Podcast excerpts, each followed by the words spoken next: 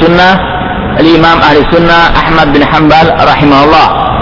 Ya, kitab ini dengan riwayat Abdus bin Malik Al-Abtar dan disyarah oleh Syekh Walid bin Muhammad Nabi bin Said An-Nasr. Beliau salah seorang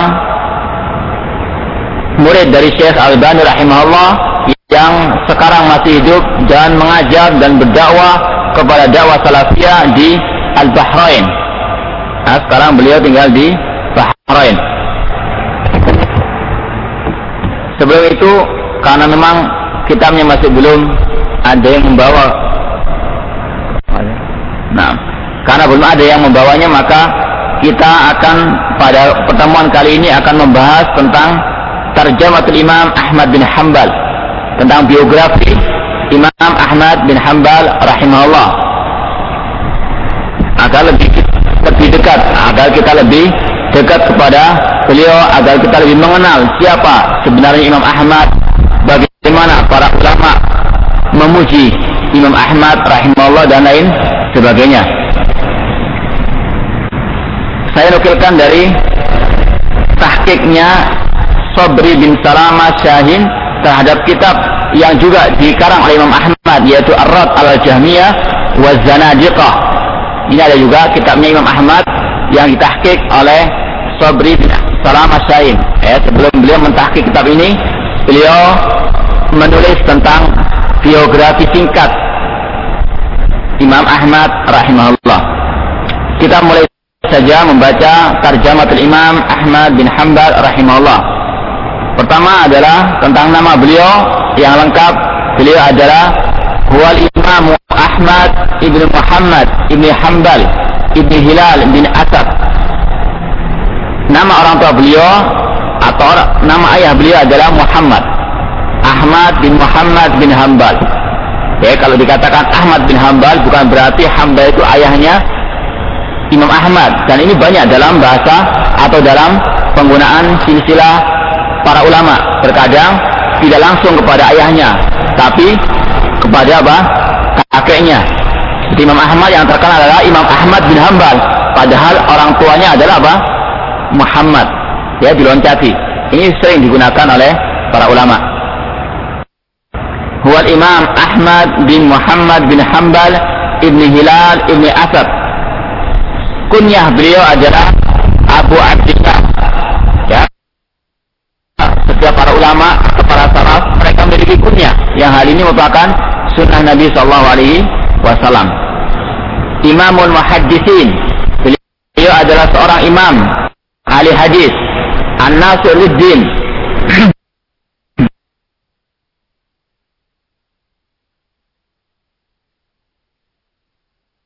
Bilu anis sunnah.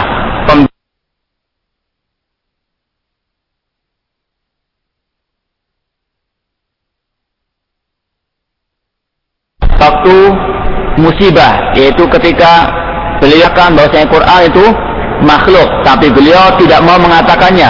Beliau tetap tegak di atas sunnah. Beliau tegar untuk mengatakan Quran itu kalamullah ghairu makhluk.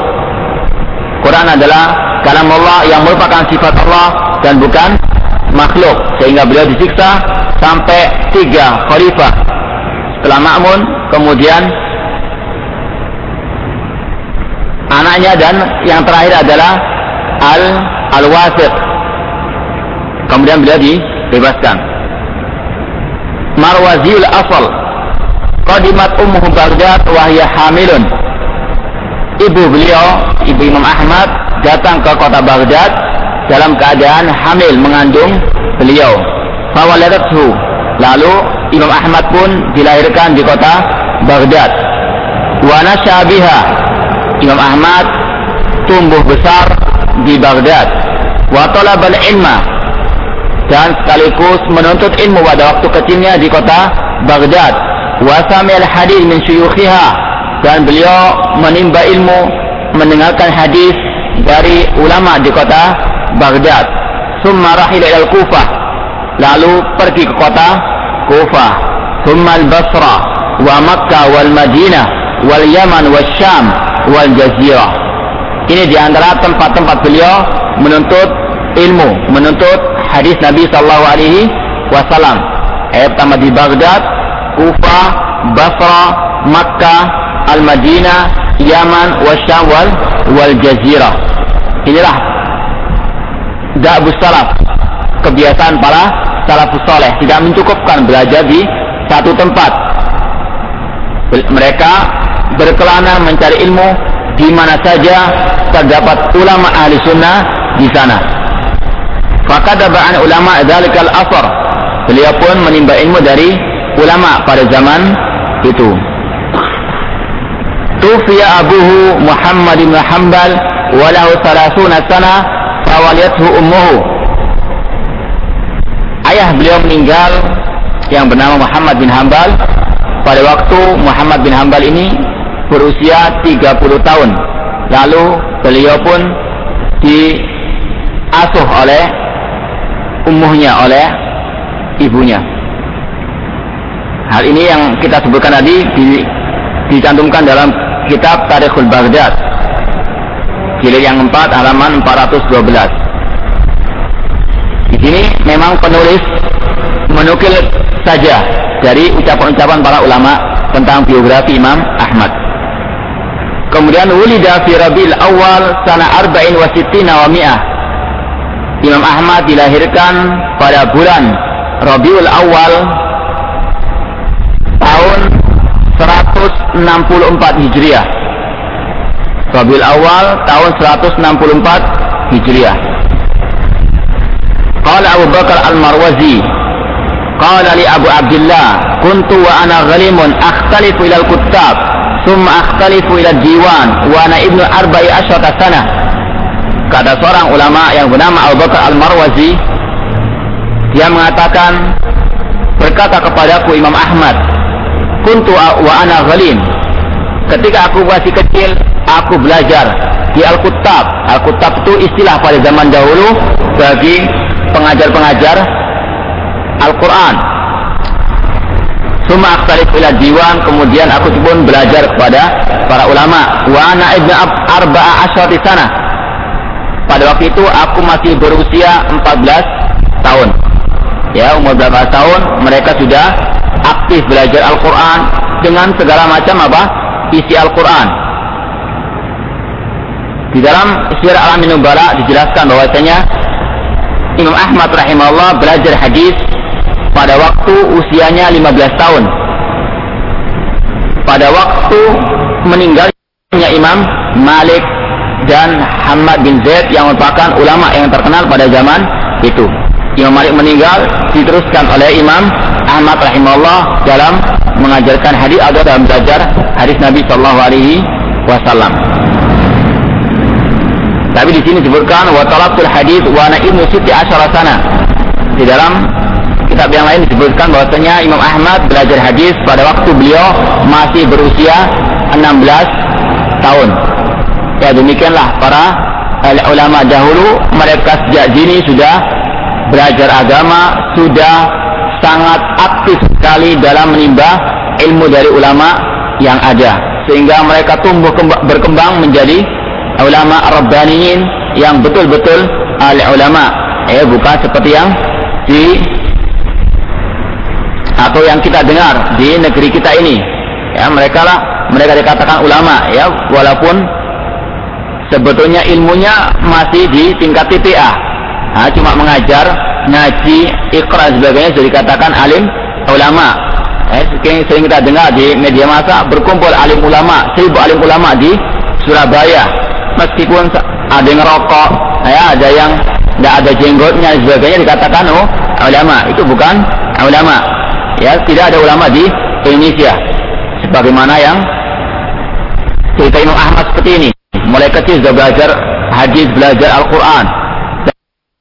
Dan tumbuh kembang menjadi ulama yang sebenarnya. Ama ilmu wa imamatu fid din. Adapun ilmunya beliau dan kepemimpinan beliau di dalam agama ini. Dan sekaligus pujian para ulama maka kita dengarkan dengan sama ucapan-ucapan para ulama yang lain tentang Imam Ahmad.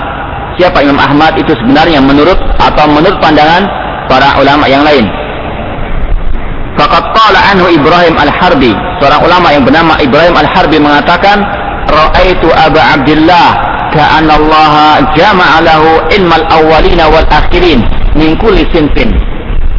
Aku melihat bahwasanya Imam Ahmad rahimahullah seolah-olah seolah-olah Allah mengumpulkan ilmu orang-orang terdahulu dan ilmu-ilmu orang yang terakhir pada diri Imam Ahmad bin Hambal dalam segala bidangnya.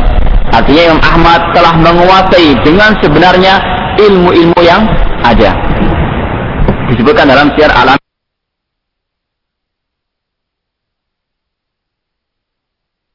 maka akan ditulis dalam sejarah bahwasanya Quran itu adalah makhluk. Tapi karena ketegaran beliau, maka manusia tahu bahwasanya Al-Quran bukan makhluk. Al-Quran adalah kalamullah. Kemudian kultu Al-Qail huwa Abu Abdurrahman Abdullah ibn Ahmad dia mengatakan atau bertanya Tadumu Ahmad bin Muhammad ila ahli tabi'in Pernah seorang salah ditanya apakah Imam Ahmad termasuk tabi'in dia mengatakan ila kibari tabi'in. Bahkan Imam Ahmad termasuk pembesarnya ta tabi'in kemudian Imam Al-Qutaibah juga mengatakan Ahmad bin Hambal wa Ishaq ibn Rahawai imam dunia bahwasanya Ahmad bin Hanbal dan Ishaq bin Rahawai adalah kedua imam di dunia di dunia ini. Wa qala al-Maimuni sami'tu Ali bin Madini yaqul ma qama ahadun bi amri al-Islam ba'da Rasulullah SAW ma qama Ahmad bin Hanbal. Ulama yang lain yang bernama Ali bin Madini dia mengatakan tidak ada seorang pun yang menegakkan Islam setelah Rasul SAW melainkan Imam Ahmad rahimahullah. Jadi tidak ada yang lebih berjasa terhadap Islam setelah Rasul SAW selain Imam Ahmad rahimahullah. Kenapa demikian? Qala qultu lahu ya Abul Hasan wal Abu Bakar Siddiq. Ada yang bertanya kepada Ali bin Madini, bagaimana dengan Abu Bakar Siddiq? Dia mengatakan wala Abu Bakar Siddiq ya Imam Ahmad lebih menegakkan Islam daripada Abu Bakar Siddiq. Kenapa? Inna Abu Bakar Siddiq kana lahu a'wanun wa ashab. Pada waktu Abu Bakar Siddiq radhiyallahu anhu memerangi orang-orang murtad, orang-orang yang tidak membayar zakat. Beliau memiliki apa? Teman-teman dan para sahabat yang menopang perjuangan Abu Bakar Siddiq. Tapi perlu kita ketahui bersama dan sudah kita pelajari bahwasanya adapun keutamaan para sahabat tidak ada yang yang menyamai. Mereka adalah Abdul Sahabat dan Asbalun Nasi Rasul adalah Abu Bakar Asid Siddiq. Adapun dalam masa ini bahwasanya perjuangan Abu Bakar ada yang menolong, ada yang menopang. Tapi perjuangan Imam Ahmad tidak ada yang yang menopang. Dari segi sisi ini, dari sisi ini Imam Ahmad apa namanya lebih ber, berjuang daripada Abu Bakar Siddiq meski Abu Bakar Siddiq tidak ada yang menyamai dalam keutamaan dan pahalanya di sisi Allah Subhanahu wa taala. Bukan berarti di sini Imam Ahmad lebih afdal daripada Abu Bakar Siddiq lah. Tapi dalam segi ini saja Imam Ahmad lebih daripada Abu Bakar As-Siddiq radhiyallahu anhu. Wa qala Syafi'i Imam Syafi'i mengatakan kharajtu min Baghdad wa ma khalaqtu biha ahadan atqa wala awra wala wala a'lam min Ahmad bin Hanbal. Imam Syafi'i mengatakan aku meninggalkan kota Baghdad dan tidak pernah aku lihat seorang pun yang lebih bertakwa, yang lebih warak, yang lebih faham terhadap agama dan lebih alim daripada Imam Ahmad bin Hambal rahimahullah. Ini juga membantah ucapan orang-orang yang mengatakan bahwa Imam Ahmad itu ahli hadis, tapi dia bukan ahli fikih. Sebagaimana ucapan ini dikatakan kepada Syekh Al-Albani rahimahullah.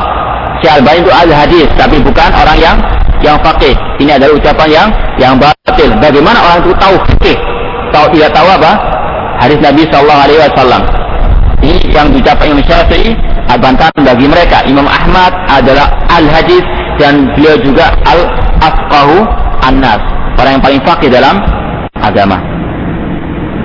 Wa qala Ahmad Ibn Sa'id Ad-Darimi rahimahullah. Imam Ad-Darimi mengatakan, "Ma ra'aitu aswada ar-ra'si ahfadha li hadithi Rasulullah SAW wala a'lam bi fiqhihi wa ma'anihi min Abi Abdullah Ahmad bin Hanbal Sa'id Ad-Darimi mengatakan Sa'id Ad-Dari mengatakan tidak pernah aku melihat manusia yang lebih hafal terhadap hadis Rasul SAW dan lebih paham tentang fikihnya, tentang pemahaman hadis tersebut dan lebih paham tentang makna hadis tersebut dari Abi Abdullah Ahmad bin Hanbal rahimahullah. Sekali lagi, Imam Ahmad seorang muhaddis al-hadis dan beliau juga termasuk orang yang paling paham tentang fiqh tentang hadis Nabi sallallahu alaihi wasallam. Wa qala Ali bin Abadini an Ahmad bin Hanbal huwa afdalu indi min Sa'id bin Jubair fi zamanihi. Ali bin Madini mengatakan dia lebih afdal menurutku daripada Sa'id bin Jubair, seorang tabi'in pada zamannya. Di ana Sa'id kana lahu nubara. Adapun Sa'id bin Jubair, seorang tabi'in, dia mem atau ada yang menandinginya atau ada yang semisal dengan Sa'id bin Jubair. Adapun Imam Ahmad wa annaha ada laisa lahu nadhir. Adapun Imam Ahmad tidak ada duanya, tidak ada bandingannya. Wa qala inna Allah ayyada hadha ad-din bi rajulaini la thalitha lahumā Abu Bakar As-Siddiq yawm ar-ridda wa Ahmad bin Hanbal yawm al-mihnah. Ali bin Madini mengatakan sesungguhnya Allah menguatkan agama ini dengan dua orang, tidak ada yang ketiganya. Siapa mereka? Abu Bakar As-Siddiq pada waktu memerangi orang-orang murtad dan Imam Ahmad yang tegar di waktu fitnah khalqil Quran. Bisa dilihat dalam manakib Imam Ahmad halaman 148. Kemudian waqala Abu Ubaid Al-Qasim bin Salam intahal ilmu ila arba'atin Ahmad bin Hanbal wa Ali bin Madini wa Yahya bin Ma'in wa Abu Bakar bin Abi Syaibah kan Ahmad afqahahum kata seorang ulama yang bernama Abu Baid Al-Qasim Salam yang memiliki satu kitab yang berharga yang berjudul Kitabul Iman tentang masalah akidah yang mengatakan intahal ilmu ila arba ilmu itu puncaknya ada pada empat orang yaitu Ahmad bin Hambal Ali bin Madini dan Yahya bin Ma'in dan Abi Bakar bin Abi Syaibah. Eh, kata Abu Baid Al-Qasim Salam bahwasanya puncaknya ilmu itu ada pada empat orang. Imam Ahmad, Ali bin Al-Madini, wa Yahya bin Ma'in, wa Abu Bakar bin Abi Syaibah. Semuanya adalah ulama al-hadis. Dan dia mengatakan kana Ahmadu afqahahum. Tapi Imam Ahmad yang lebih pandai dibandingkan mereka semuanya. Wa qala Qutaibah bin Sa'id rahimahullah, "Idza ra'aita ar-rajula yuhibbu Ahmad bin Hanbal, fa'lam annahu sahibu sunnah wa jamaah." Qutaibah bin Sa'id ini adalah seorang ulama hadis. Eh, kalau kita lihat saya uh, Sunan Abi Dawud, kita sering mungkin mendengar atau membaca rawi yang bernama Qutaibah bin Sa'id yang mengatakan idza ra'aita ar-rajula yuhibbu Ahmad bin Hanbal fa'lam annahu sahibu sunnah wa jamaah. Apabila engkau melihat seorang yang cinta kepada Imam Ahmad, maka ketahuilah dia adalah pengikut sunnah atau dia adalah ahlu sunnah wal wal jamaah.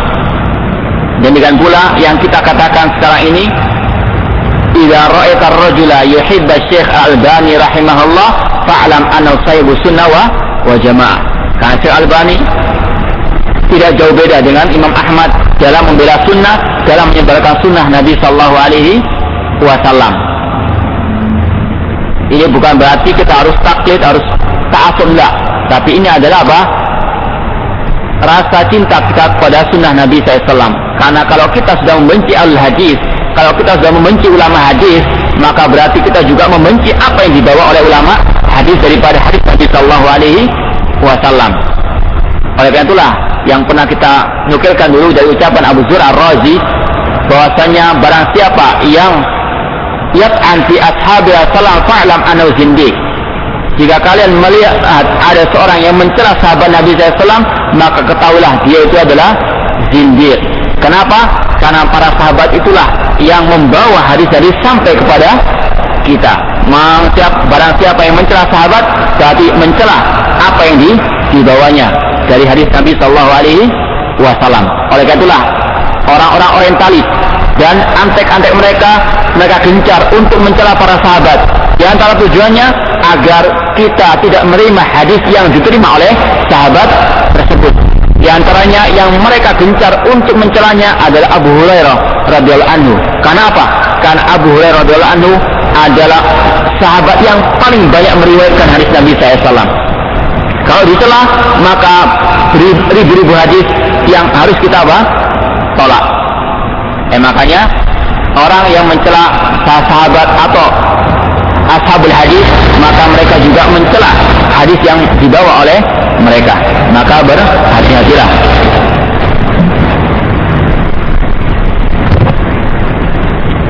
Kemudian ucapan Abdul Hasan Al-Asy'ari. Ya Abdul Hasan Al-Asy'ari yang akidahnya banyak disalahgunakan oleh orang zaman sekarang. Beliau dahulu memang menyimpang dalam masalah asal sifat ya menyetuskan sifat Allah 7 atau 20 dan lain sebagainya. Tapi beliau sudah bertobat tapi tobatnya beliau ini tidak diterima oleh pengikutnya sehingga pengikutnya tetap dalam penyimpangan masalah akidah. Abu Hasan Asy'ari mengatakan qauluna alladhi naqulu bihi wa diyanatuna allati biha nadinu atamassuka bi kitabillah wa sunnati nabi sallallahu alaihi wasallam wa ma ruya an sahabati wat tabi'in wa a'immatil hadis kata Imam Abdul Hasan Asy'ari rahimahullah ucapan kita dan ajaran yang kita berpegang teguh dengannya yaitu berpegang teguh dengan Al-Quran dan Sunnah dan apa yang diriwayatkan dari sahabat, tabi'in dan para imam hadis. Wa nahnu bidzalika mu'tasimun. Kami memegang ketiga hal tersebut. Al-Quran Sunnah sesuai dengan pemahaman salaf. Wa bima kana alaihi Imam Ahmad Ibn Hanbal nabbarallahu wajhahu qailun. Dan kita mengucapkan dengan apa yang diucapkan oleh Imam Ahmad Ibn Hanbal rahimahullah. Waliman khalafa waliman khalafa qawlahu mukhalifun.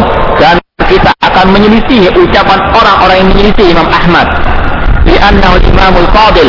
Karena Imam Ahmad adalah seorang imam yang fadil yang mulia.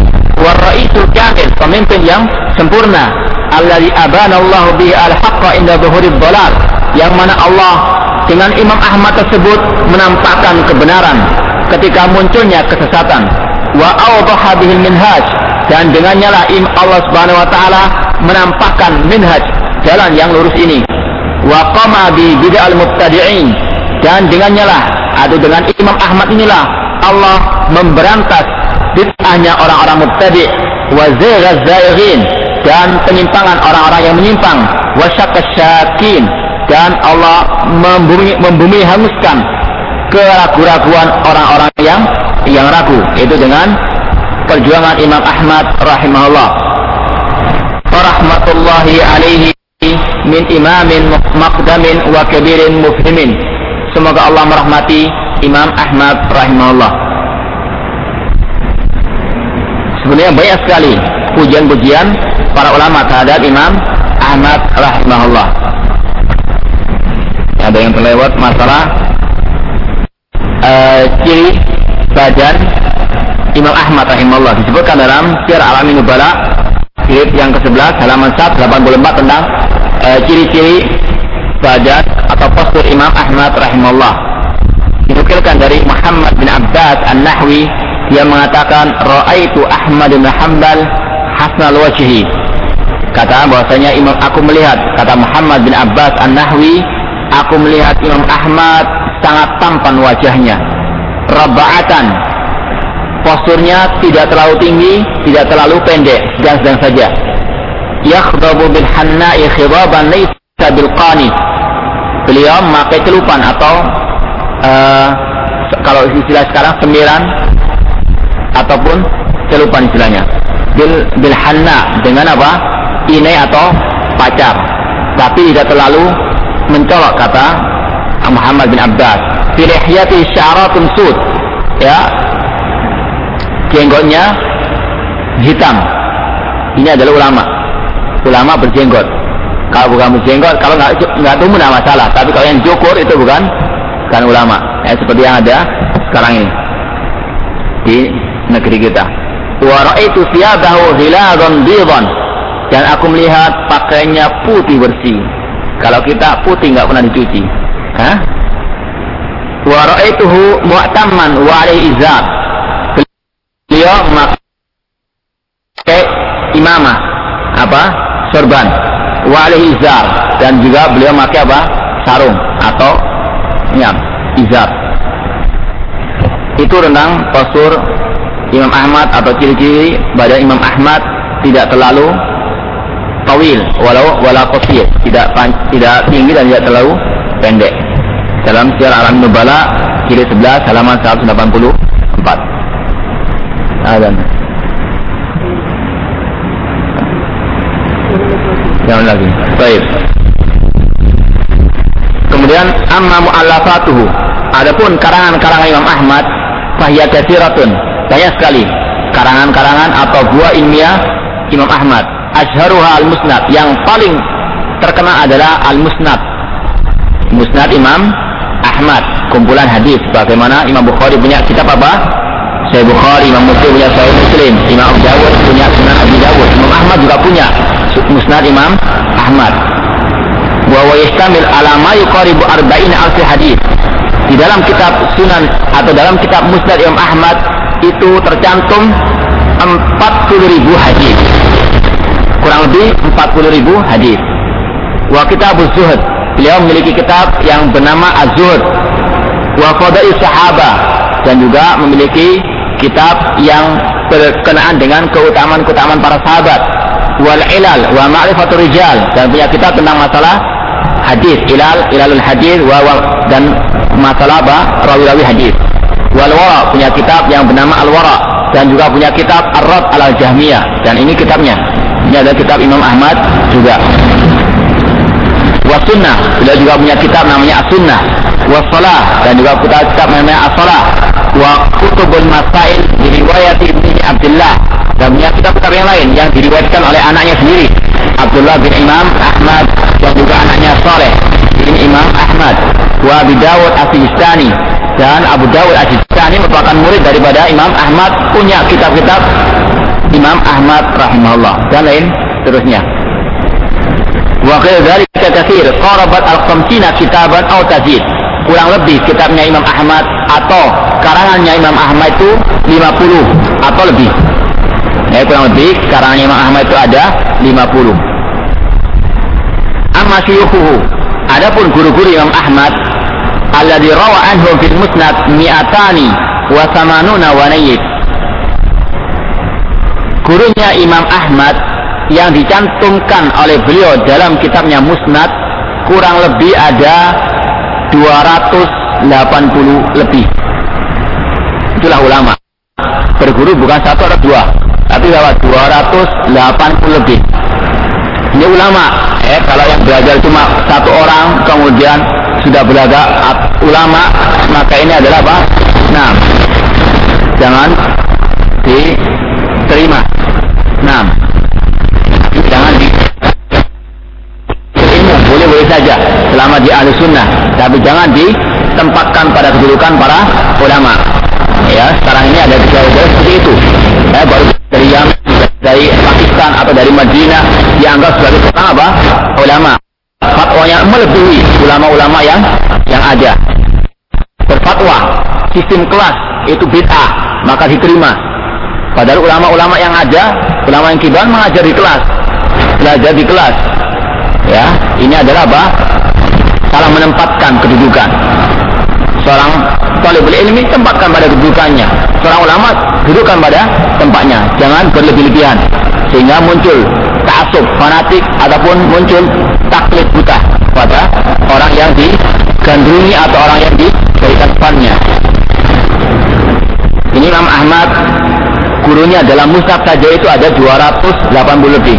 Kama zakar al-hafid az-zahabi fi siyar sebagaimana disebutkan oleh Imam al-hafid az-zahabi dalam siyar al-amin nubala. Wa haddatha anhu syuyukhuhu asy-syafi'i wa abdul razzaq. Imam Syafi'i guru beliau Imam Ahmad juga meriwayatkan dari Imam Ahmad. Ya guru dan murid saling apa?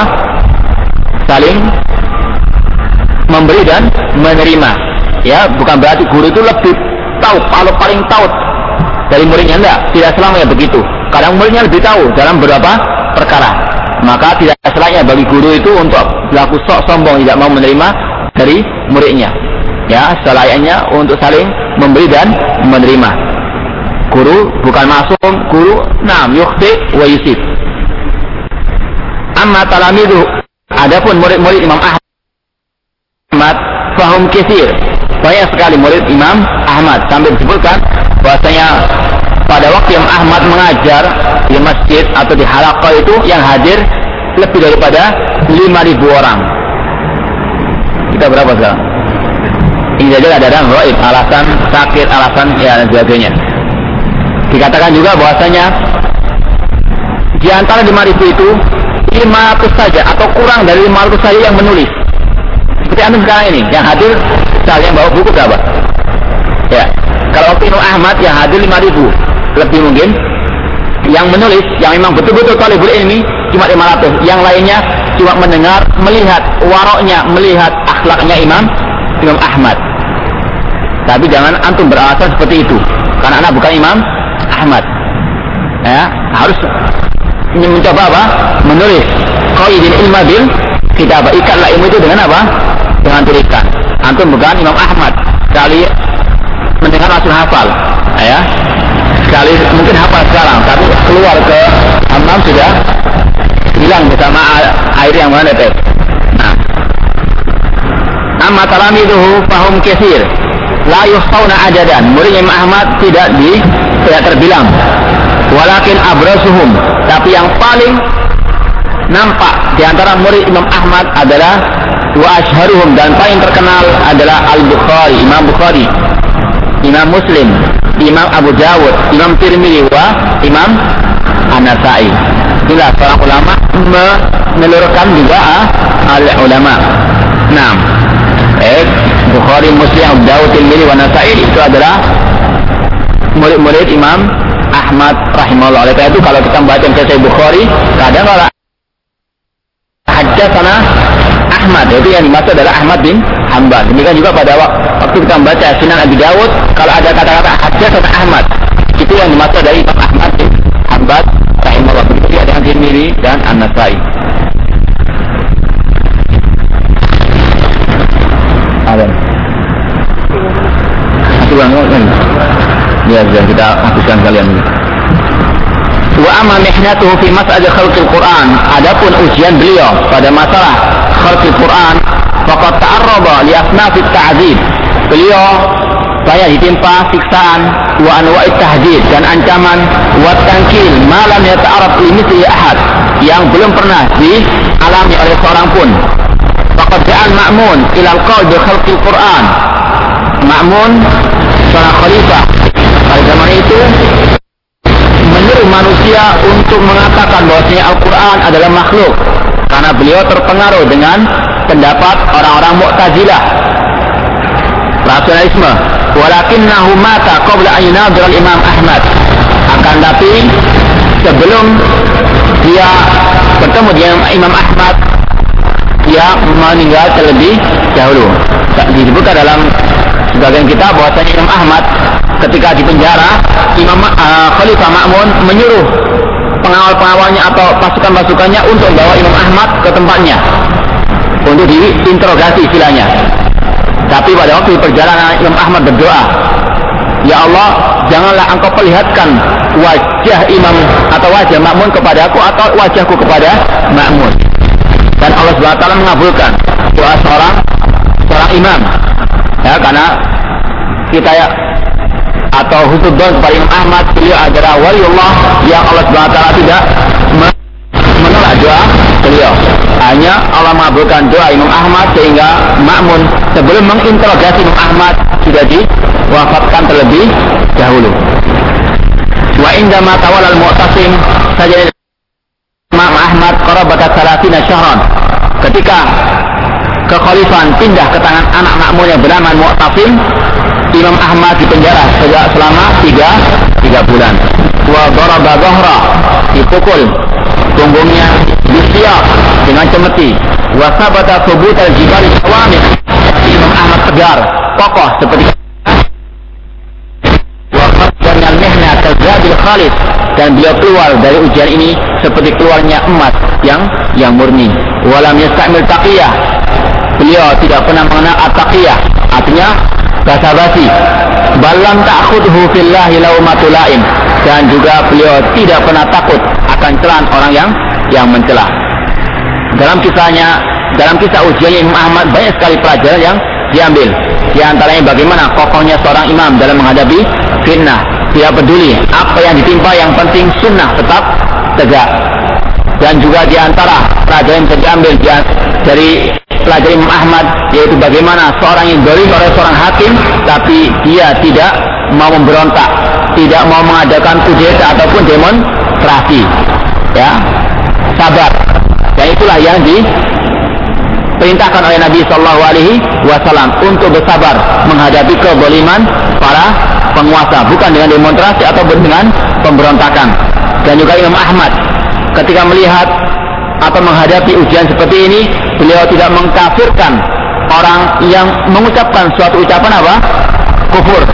Karena tidak setiap orang yang mengucapkan ucapan kufur itu dia katakan apa? Kafir. Ya, Imam Ahmad meyakini ucapan yang menyatakan Quran itu makhluk adalah ucapan kufur. Tapi tidak semua orang yang mengatakan itu dikatakan apa? Kafir. Dan ini juga pelajaran bagi kita untuk tidak tergesa-gesa dalam mengkafirkan. Meskipun telah jelas apa? Ucapannya yang kufur tersebut. Dan inilah ahli sunnah wal jamaah. Ya, tidak mudah menfonis.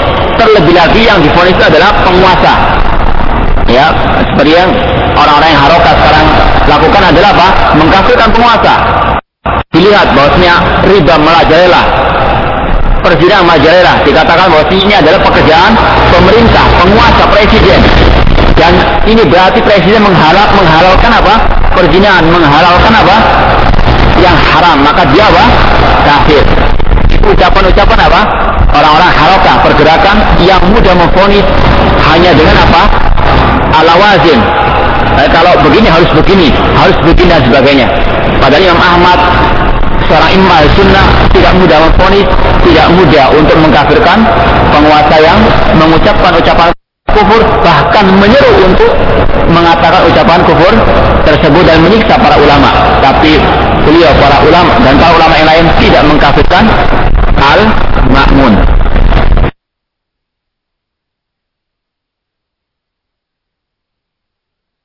241 Hijriah. Dan umur beliau pada waktu itu sab'un wa sab'ina sana 77 tahun. Wa kana janazatuhu hafiyatan masyhudah. Dan yang mengantar jenazah beliau amat sangat banyak sekali. Balagha man min rijal samanu mi'ati alf yang hadir mengantarkan jenazah beliau 800 ribu orang. Ini adalah pengantar jenazah Imam Ahmad yang sudah masyur akan keilmuan dan kewaraan beliau sehingga manusia berbondong-bondong untuk mengantarkan jenazah beliau. Wa minan nisa siti alfi imra'ah yang laki 800 ribu dengan yang perempuan 60 ribu. Ini adalah biografi singkat Imam Ahmad, Imam Ahli Sunnah wal Jamaah yang insya Allah akan kita baca salah satu karangan beliau yang berjudul Usulu As-Sunnah pada minggu yang akan datang dengan syarah Syekh Walid bin Muhammad Nabi bin Saif An-Nasr Hafizahullah. Semoga Allah dan memahamkan kita dengan pemahaman yang benar. Semoga Allah Subhanahu wa taala menjadikan kita sebagai pengikut salaf pengikut Imam Ahmad rahimahullahu taala. Wa akhiru da'wana anil hamdulillahi rabbil alamin.